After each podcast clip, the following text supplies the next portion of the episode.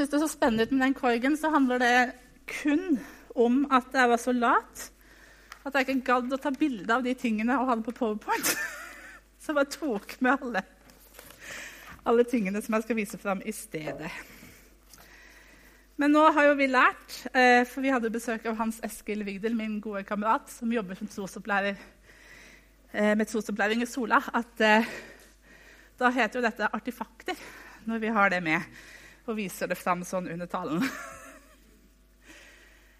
um, og så må jeg bare innrømme sånn før jeg begynner, at um, eh, nå skal jeg levere en um, teknisk sett, eller faglig sett, litt eh, dårlig håndarbeid talemessig sett. Fordi at når jeg gikk på Ansgarskolen og studerte teologi, eh, så hadde vi bl.a.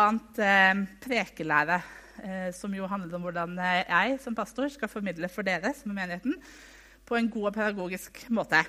Eh, og så hadde vi om eh, bruk av eksempler. og det beste eksempelet man kan bruke, Eh, er hvis for man bruker noe som er en felles opplevelse både for menigheten og pastoren. For så kan man nesten alltid snakke om, eh, om barn. fordi Enten så har man vært barn, eller så er man barn, eller så har man barn. eller Alle vet noe om barn. Og det nest beste eh, eksempelet er hvis jeg hadde brukt noe som var veldig kjent for dere, men ikke egentlig meg. F.eks. hvis hvis man for er en fiskerlandsby Nå hørtes det veldig ut til å være på Jesus sin tid. Uh, og jeg hadde snakket om noe som handla om fisk og fisking, uh, som veldig mange i menigheten kjente seg igjen i, selv om jeg på en måte aldri er redd fisk. da.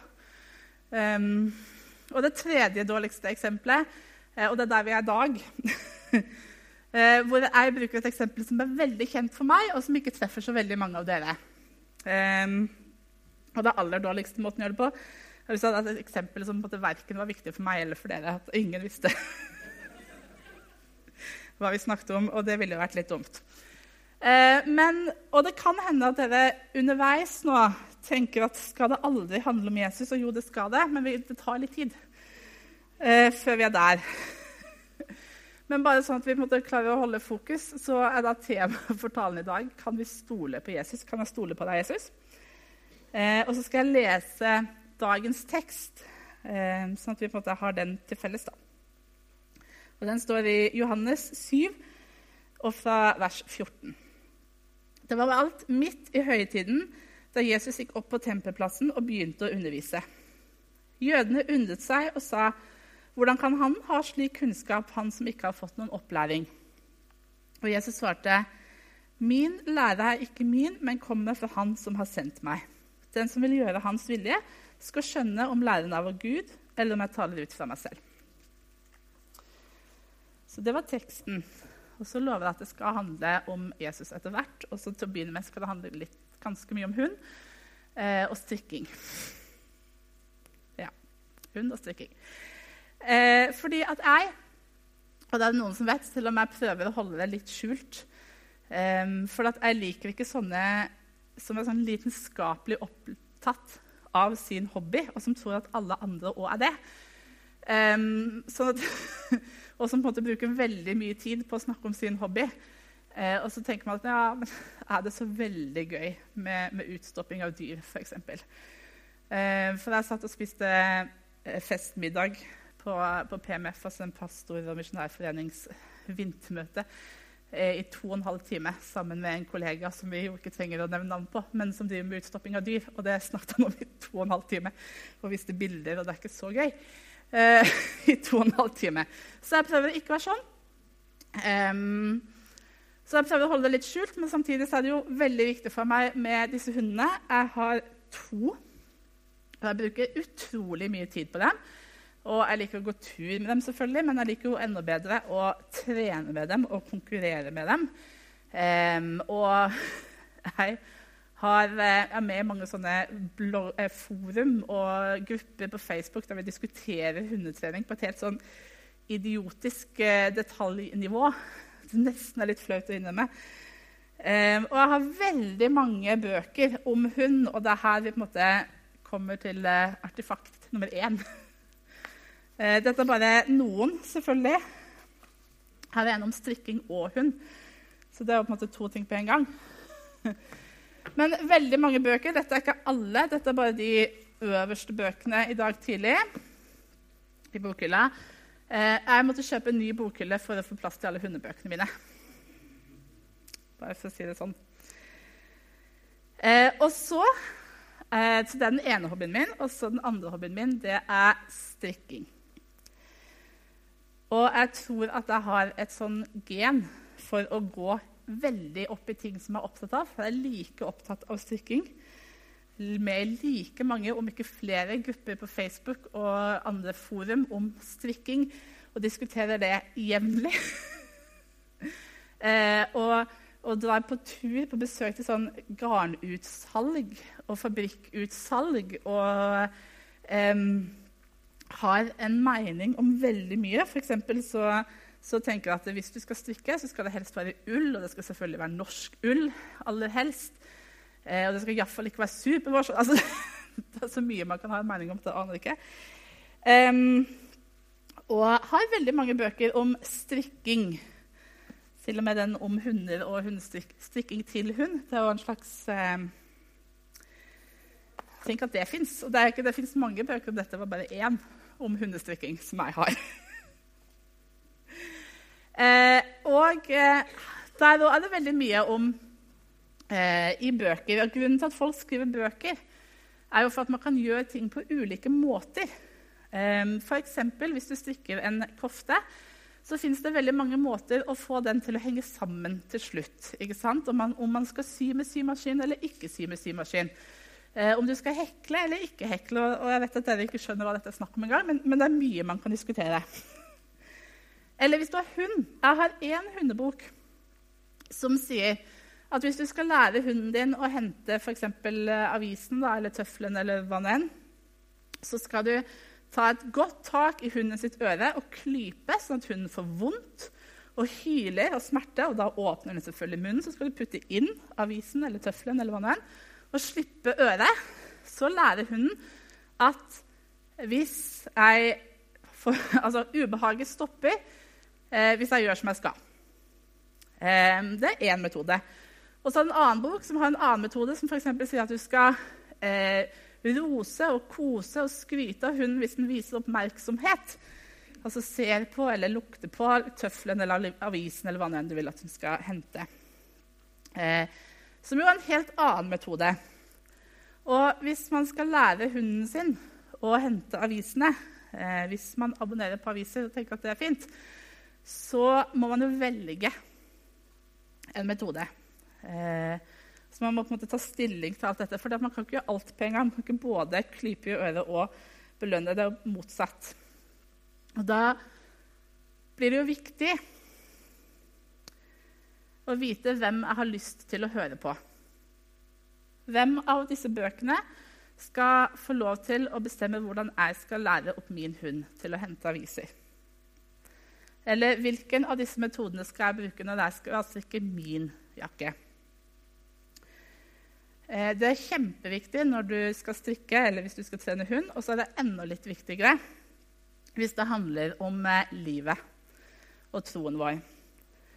Eh, og så er det jo ikke sånn at, at strikking og hund er det viktigste i livet mitt, tross alt. For så tenker jeg at Jesus er viktigere. Og jeg har òg veldig mange bøker om Jesus. Jeg har Bibelen. Eh, og så kunne man tro at det holdt. Men i tillegg så har jeg veldig mange fagbøker som på en måte snakker om alt mulig av eh, bibelteori og kirkehistorie og troslære. Og jeg har andaktsbøker, og jeg har gode bøker om Jesus og dårlige bøker om Jesus. Og utrolig mye kunnskap eh, om Jesus. Og så hjelper det meg litt, sant? Fordi at eh, jeg tror at eh, det er lurt å lese litt og få kunnskap. Eh, F.eks. sånn som nå høre undervisning, lese bøker, lese artikler, få innspill fra andre, snakke med andre om troen vår. Fordi at jeg kanskje er enig med dem, og så hjelper de meg måte, fordi at de gir meg svar på ting eller forklarer ting som, som støtter meg og styrker meg. Eller så er jeg kjempeuenig med dem, eh, men så gjør det òg noe med måte, hvor fast jeg står eh, i mine egne verdier og mitt egen tro. Eh, hvis den har fått brynt seg på noen som tenker annerledes. Trenger ikke å være feil. Så er det sånn at med de jødene, da som Jesus møter i den teksten, så er de vant med at det fins veldig mange lærere, rabbier, som går rundt og underviser, som samler disipler rundt seg, og som eh, legger ut og greier ut om Guds ord. Eh, og så fins det ulike retninger den gang som nå, der noen tenker at eh, det er veldig viktig at eh, ut fra Bibelen eller fra Toraen da, som de hadde, at man lever på denne måten og gjør ting på denne måten. Mens andre tenker at nei, det er ikke viktig i det hele tatt, for det er dette som er det sentrale, og dette som er det viktige. Så at jødene er ikke, de som møter Jesus i denne situasjonen, er ikke uvant med at det er mennesker som har ulike tolkninger eh, av Guds ord, eller som hevder ulike ting. Men det som blir annerledes med Jesus, er at måte, hvor har han den kunnskapen sin ifra som han deler? Fordi at han på en måte tilhører ikke en sånn skole. Det ville jo kanskje vært det vanlige. Eh, at man var fariseer, man hadde fulgt fariseere lenge. Man hadde kanskje vært disippel av en annen fariseer til man blir en fariseisk lærer og selv kan undervise. Mens her kommer bare Jesus vandrende eh, inn på arenaen. Det er ingen som vet hvem han er. Og så underviser han med en autoritet som, som om han hadde peiling. Og så lurer folk på har du egentlig det. Kan vi stole på det du sier, Jesus? Det er det de lurer på. Og så tenker jeg at Det er ikke et urelevant spørsmål. For hvis det skal få ha betydning for livet mitt, så må jeg kunne stole på at det er sant. Og så kunne Jesus selvfølgelig ha, ha sagt mye sikkert eh, om hvorfor han underviser som han gjør. Og det gjør han ikke. Han sier bare at min lære er ikke min, men han som har sendt meg, altså Gud, sin, og den som vil gjøre hans vilje, skal skjønne om læren er fra meg eller ikke. Så det er på en måte som at Jesus sier at um, jeg hører hva dere spør om, og det har dere all mulighet til å spørre om. Um, men så vil jeg ikke gå inn i den debatten. Men hvis dere um, hadde lyst til å følge etter, har lyst til å prøve, så vil dere se. Og jeg elsker den teksten som eh, Max leste i dag om Johannes døperen, som egentlig ikke er en av, eh, av søndagens tekster. Eh, men jeg hadde lyst til å ha den med likevel, fordi Johannes døperen er en av mine helter i Bibelen. Jeg elsker Johannes fordi han har helt fra han var bitte liten, vokst opp i måte, skyggen av Jesus. Ikke nødvendigvis negativt sett, men måte, i relasjon med Jesus og Jesus' sin tjeneste. De er søskenbarn. Eh, sånn at det, det, er kanskje ikke noe menneske som kjenner Jesus så godt som det Johannes gjør. Altså, de har vokst opp sammen, og de vet hvem hverandre er. Og så har Johannes brukt sitt voksne liv og sin tjeneste på å rydde vei for Jesus vært ute i ødemarken og forkynt eh, om at folket skal vende om, døpt, eh, stått der og i kamelkappen sin og gnagd på gress, eh, gresshoppen og sagt at der kommer Jesus, Guds sønn, følg han. Så at Johannes har på en måte vært i den førstelinja og på en måte gjort veien klar og enkel, eller enklere iallfall for Jesus når Jesus skulle komme og gå inn i sin tjeneste. Eh, og Som et resultat av det så sitter Johannes nå i fengsel. Fordi at dette er ikke veldig godt tatt imot av øvrigheten.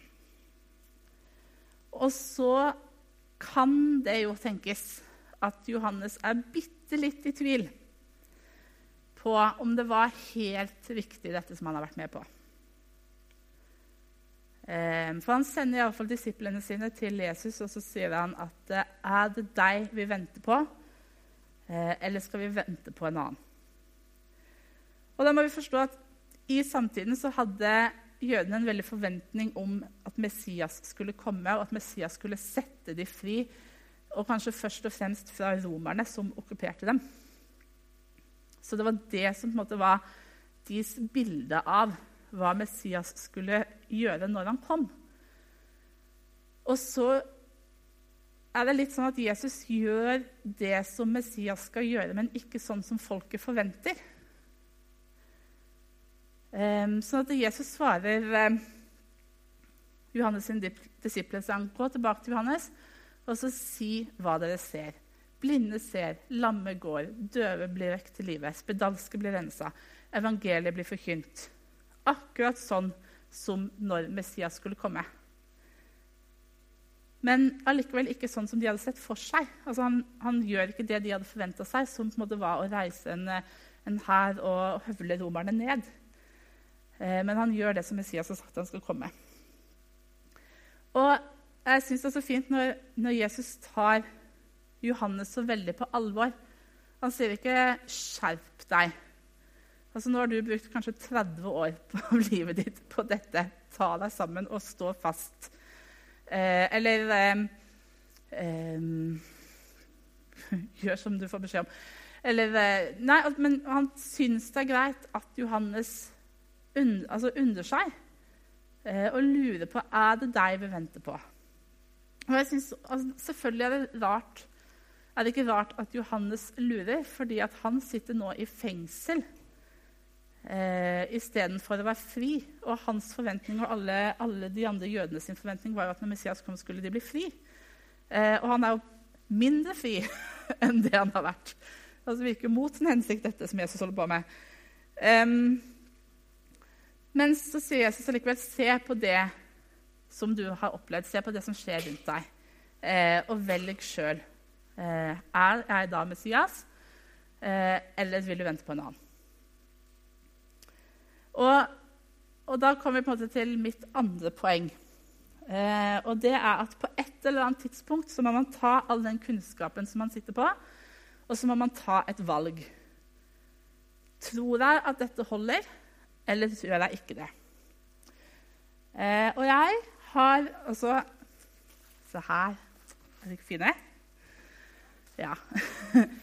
Fordi at eh, på et tidspunkt når jeg var helt ny og hadde min første hund, så måtte jeg ta noen valg om hvordan jeg ville trene og konkurrere med den hunden.